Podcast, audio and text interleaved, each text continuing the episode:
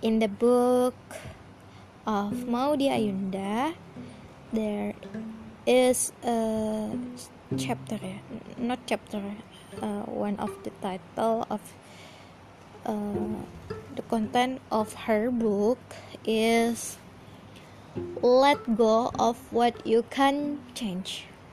Most of your mental exhaustions may be caused by worrying about things that you have no control over, whether it is something you are waiting for, a failure in the past, a major regret. Some things haunt us every day and discourage us to move forward.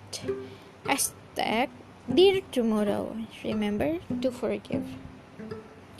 If you won't bother if if it won't bother you in five years, don't let it bother you for five minutes.